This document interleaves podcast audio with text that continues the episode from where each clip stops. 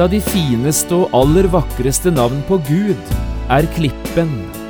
I 5. Mosebok 32 står det Klippen, fullkomment er hans verk. Og i Salme 71 ber salmisten Vær meg en klippe til bolig, dit jeg alltid kan gå. Du forstår hva dette handler om, ikke sant? Det handler om den Gud som kan gi mennesker både fred og trygghet.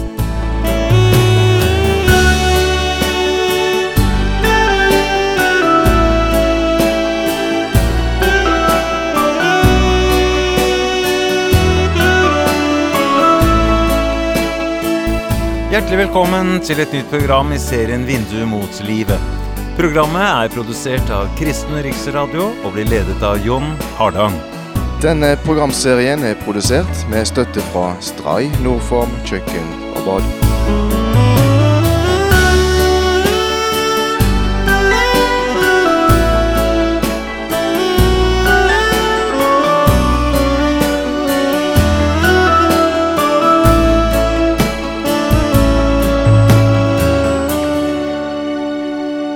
I dag starter vi en helt ny bibelundervisningsserie som vi har kalt Steinene taler. I 18 program skal vi løfte fram en del steiner i Bibelen og gjøre oss kjent med hva disse har å fortelle oss. For steiner kan tale, det skal du etter hvert få ganske mange eksempler på. Du kan få kjøpt også denne programserien på CD ved å henvende deg til P7 Kristen Riksradio. I dette første programmet skal vi lese den bibelteksten der jeg har hentet temaet fra. Dette er en beretning tilknyttet Palmesøndag, men er nok en av de minst kjente påskefortellingene. Vi skal lese fra Lukasevangeliet i kapittel 19, og vi leser der vers 37 til 40. Jeg har kalt dette første programmet Steiner som roper. Men da Jesus nærmet seg nedstigningen fra Oljeberget, begynte hele disippelflokken i glede å love Gud med høy røst for alle de kraftige gjerninger de hadde sett. De sa, Velsignet være Kongen som kommer i Herrens navn, fred i himmelen og ære i det høyeste. Noen av fariseerne i folkemengden sa til ham, Mester, irettesett dine disipler. Men han svarte og sa, Jeg sier dere, om disse tider, så skal steinene rope.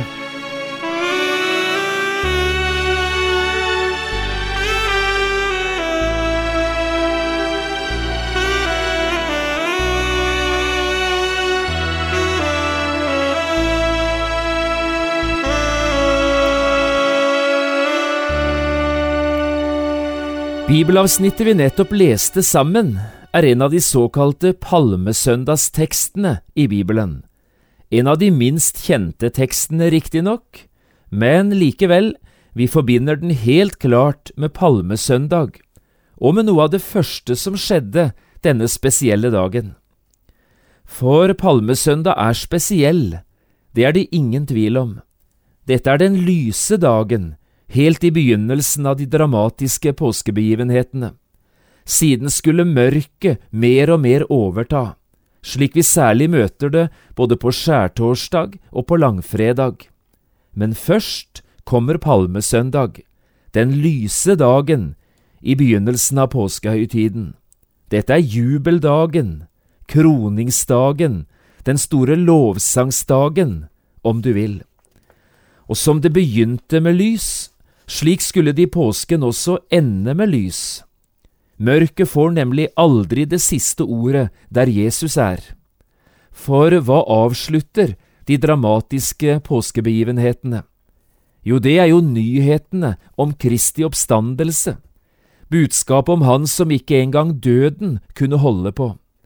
Det endte i påsken, akkurat slik det begynte, med lys og glede, med lovsang og med jubel.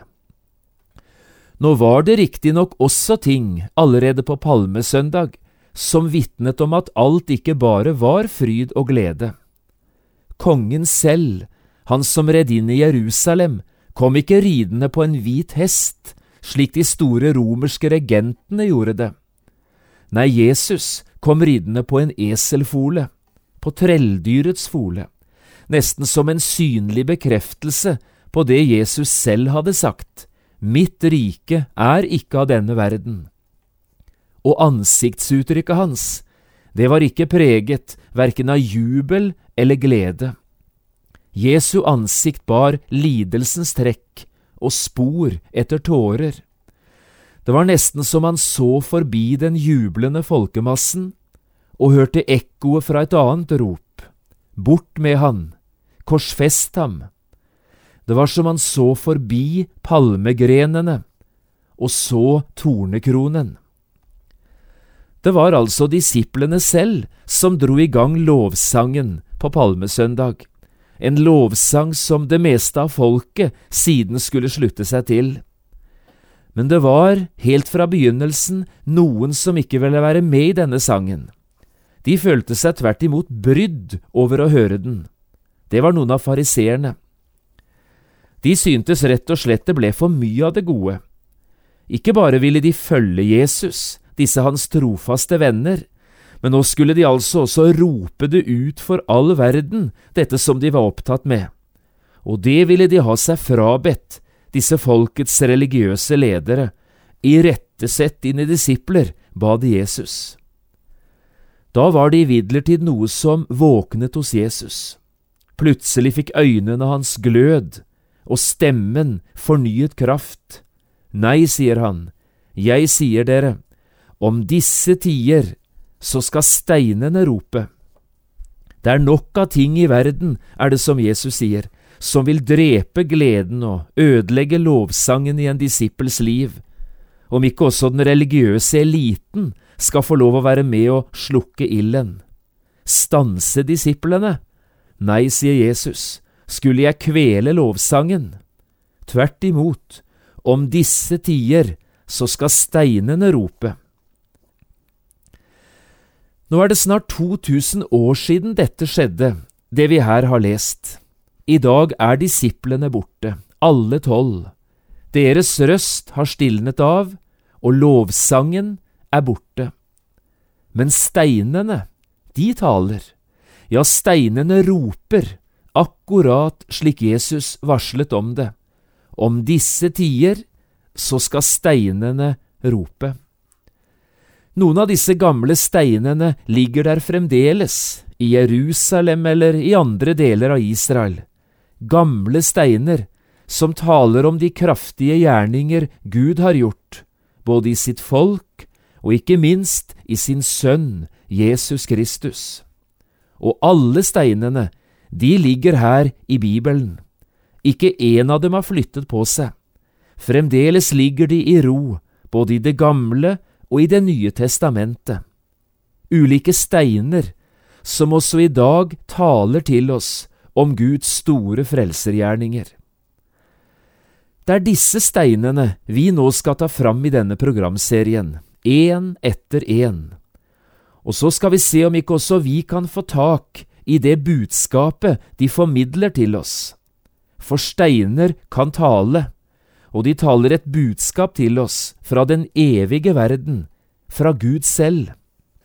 Så nå håper jeg også du som lytter vil være med ut i denne store bibelske steinsamlingen, ut på leiting etter gamle steiner som taler til oss. Og vær ganske trygg, de taler et budskap som fremdeles er friskt og levende og like aktuelt for oss i dag som for alle generasjoner før oss. Steiner som taler, steiner som roper. Det er dette det skal handle om i denne programserien. Og jeg tror jeg kan love deg, du skal ikke bli skuffet om du bare vil være med ut i denne steinrøysa som ligger her og venter, og som altså er gitt oss i Guds eget ord. Steinene har egentlig talt til oss helt fra tidenes morgen. De har talt om Guds ufattelige skapermakt. Det var på den tredje dagen at Gud skapte fjellene, eller det tørre landet, slik første Mosebok 1 taler om det. det tørre land. Det er altså dette som handler om daler og fjell, sletter og kupert landskap, og dermed altså også om steinene, høye og lave fjell, alt det vi kaller steinrøyser eller ur, dette er skaperens eget verk, alt sammen.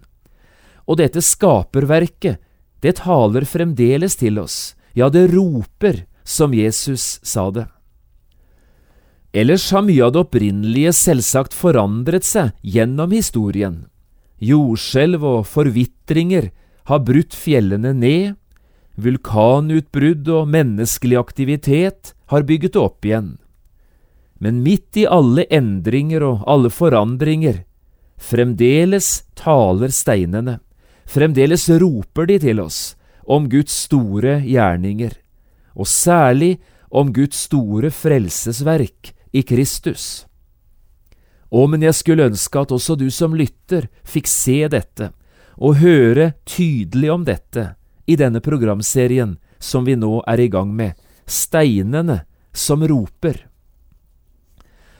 Og la oss nå i andre delen av dette programmet gjøre den første lille spaserturen ut i den store bibelske steinrøysa. Bare en rask tur i dag, for vi har ikke tid til mer enn det nå i dette programmet. Men vi tar likevel en liten tur, bare for å få en oversikt i alle fall, over den formidable steinsamlingen som ligger her og venter rett foran oss i Guds ord. Og kanskje kan dette være som en liten appetittvekker, eller som en liten forsmak på noe av det som siden skal komme utover i programserien. Steiner er forskjellige. Den ene steinen trenger ikke være den minste lik den andre steinen. Og stein kan brukes til utrolig mye. Slik møter vi det i Bibelen, og slik skal vi løfte det fram, også her. Nå skal du bare høre. De første steinene som vi legger spesielt merke til i Bibelen, etter selve skapelsen og etter at menneskene ble mange på jorden, det er de steinene som brukes som alter for Herren. Allerede i Noas historie møter vi disse altersteinene, og i Abrahamshistorien møter vi dem hele veien.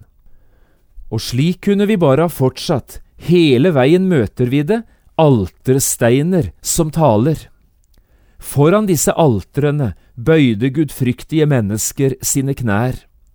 Her utøste de sitt hjerte for Herren, og her åpenbarte Herren selv seg for dem, talte til dem. Her ble utallige offerdyr slaktet og båret fram som offer for synd. Her falt Guds ild som synlig bekreftelse på forsoning og grenseløs tilgivelse. Og det er nettopp slike steiner vi skal tale om i det neste programmet. Da skal vi møte Abraham og høre hvor bevisst han var på alltid å bygge et slikt alter for Herren. Videre møter vi i Bibelen en rekke minnesteiner, steiner som altså blir reist med den hensikt å minne kommende generasjoner om de mange store frelsesbegivenhetene som Gud hadde latt sitt folk få oppleve. Jakob reiste slike minnesteiner, for eksempel i Betel, og Josva gjorde det, både i elven Jordan og i Sikhem. Det skal du få høre i det tredje programmet. Og Samuel, også han gjorde det da han reiste steinen Ebeneser. Og slik holder vi på ut igjennom i Bibelen. Minnesteinene ble mange og forskjellige. Og alle disse steinene, de talte, ja, de ropte til glemsomme Guds barn, for å minne dem om de ting de aldri siden måtte la gå i glemmeboken. Også slike minnesteiner skal vi altså møte noen av i denne serien. Så kan steiner brukes som byggematerialer.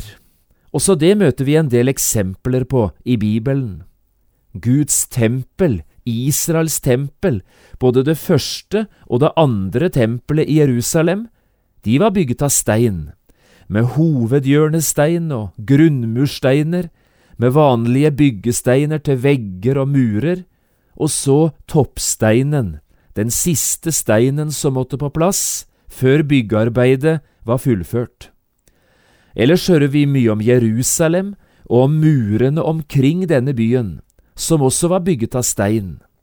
Vi hører om ulike borger, solid bygget i stein, for å gi dem som oppholdt seg i borgen, tilstrekkelig trygghet og sikkerhet. Det er på denne bakgrunnen Luther synger Vår Gud, han er så fast en borg. En helt annen type stein, det er edelsteinene.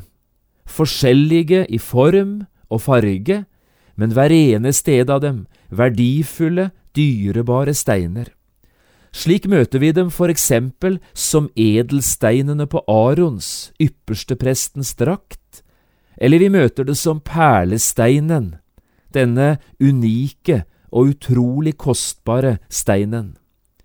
Blant de mange steinene som taler til oss, er kanskje disse edelsteinene og det budskapet som de formidler, noe av det varmeste og fineste vi møter i alt det Bibelen taler om når det gjelder steiner. Ellers kan steiner brukes som våpen. De kan kastes, slik Stefanus opplevde det, den dagen han skulle få oppleve som den siste i denne verden. Stefanus, den første martyr, ble nemlig steinet til døde. Og hadde det ikke vært for Jesus, ville også en vergeløs kvinne som var grepet på fersk gjerning i hor, blitt steinende spytte. De lå allerede klare i grove og brutale hender. Eller du kjenner historien om David, kongen som en dag felte kjempen Goliat fra Gat. Du husker gjerne på hvilken måte det skjedde. Jo, unggutten David hentet fem glatte steiner fra bekken, og med den første av dem, lagt inn i en enkel slynge, drepte David filisterkjempen i ett eneste kast. Jo da, steiner kan drepe, og taler ofte til oss om hjerteløse mennesker og om deres brutalitet eller styrke. Enda en type stein vil jeg nevne, nemlig gravsteinene. Både fra Bibelen og fra vårt eget land kjenner vi de steinene. Nå blir de riktignok brukt ganske forskjellig om vi sammenligner dagens Norge og dagens Israel. Hos oss ser vi for oss gravsteinene der de står ute på gravplassen med navn og datoer og kanskje et lite minneord.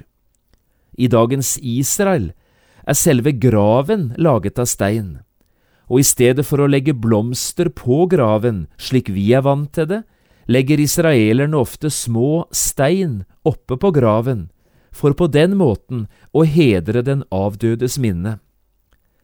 I Bibelen derimot møter vi gravsteinene på en annen måte.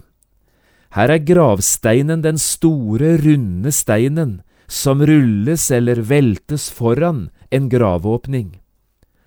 Også et par slike steiner kjenner vi godt fra Bibelen, steiner som har et sterkere budskap enn de fleste andre steiner som vi kjenner. Jeg tenker først og fremst på steinen som ble rullet foran Kristi grav men gjerne også på steinen som lå foran Lasarus sin grav. Begge disse to taler hver på sin måte om en som er sterkere enn døden. Ja, jeg tror knapt noen stein i verden har talt sterkere enn nettopp disse to steinene. Viktige bibelske steder kan også ha fått navn etter de steinene eller klippeformasjonene som du møter på stedet. David, for eksempel, ble en gang reddet fra kong Saul, som forfulgte han, like i nærheten av en meget spesiell berghammer. Unnkomstklippen ble den fjellformasjonen siden kalt. Og i Jesu lidelseshistorie fortelles det om Jesus, at han ble forhørt av Pilatus på Gabbata. Det betyr helleplassen, etter den brosteinsbelagte eh, gulvflaten som fantes inne i Antoniaborgen. Og da Jesus døde, så døde han på Golgata, på hodeskallestedet. Og det var gjerne slik dette retterstedet så ut, som en hodeskalle. Og så til slutt her, dette med steiner brukes også i Bibelen i mer overført betydning. I Bibelens siste bok, for eksempel, Johannes' åpenbaring, møter vi dette løftet. Den som seirer, han vil jeg gi en hvit stein. Vi forstår jo at det må være symbolsk å forstå. Og i profeten Esekiels bok sier profeten at Herren vil ta bort folkets steinhjerter og i stedet gi dem et kjødhjerte. Et av de fineste og kanskje vakreste navn på Gud er også et slikt uttrykk, Klippen. Klippen, fullkomment er Hans verk, står det i femte Mosebok 32. Og i Salme 71 ber salmisten, Vær meg en klippe til bolig, dit jeg alltid kan gå. Du forstår godt hva dette handler om, ikke sant? Gud er en Gud som kan gi mennesker frelse, fred og trygghet. Og kanskje skulle vi slutte akkurat her i dag, med dette bildet av Gud, som altså vil være din og min frelses klippe. August Toplady, en ung britisk sangforfatter fra 1700-tallet, har lært oss å henvende oss til Gud nettopp på denne måten. Klippe, du som brast for meg, la meg gjemme meg i deg. Den unge sangforfatteren forteller selv at han en dag var ute og gikk, da han plutselig ble overrasket av et voldsomt uvær. Og for å komme seg i ly søkte han tilflukt under en berghammer, der han gjemte seg inntil uværet var over. Dette, forteller han, var den egentlige inspirasjonen til sangen som jeg siden skrev. Og denne sangen skal vi avslutte programmet i dag med. Kanskje jeg akkurat nå i dag snakker til et menneske som virkelig har det tøft. Det meste i livet er usikkert, og du vet ikke helt hva du skal gjøre. Jeg har et forslag. Kanskje du skulle begynne med å be denne gamle salmestrofen, som du nå skal få høre, enda en gang. Ta ordene inn i ditt eget hjerte, og bruk dem så i ditt eget personlige møte med Gud. Ord som dette har en egen evne til å nå også Guds hjerte. Det syns jeg du skal prøve. Klippe, du som brast for meg, la meg gjemme meg i deg. La det vann og blod som går fra din sides åpne sår, bli for meg en helseflod som gjør sjelen ren og god. Slike bønner hører Gud.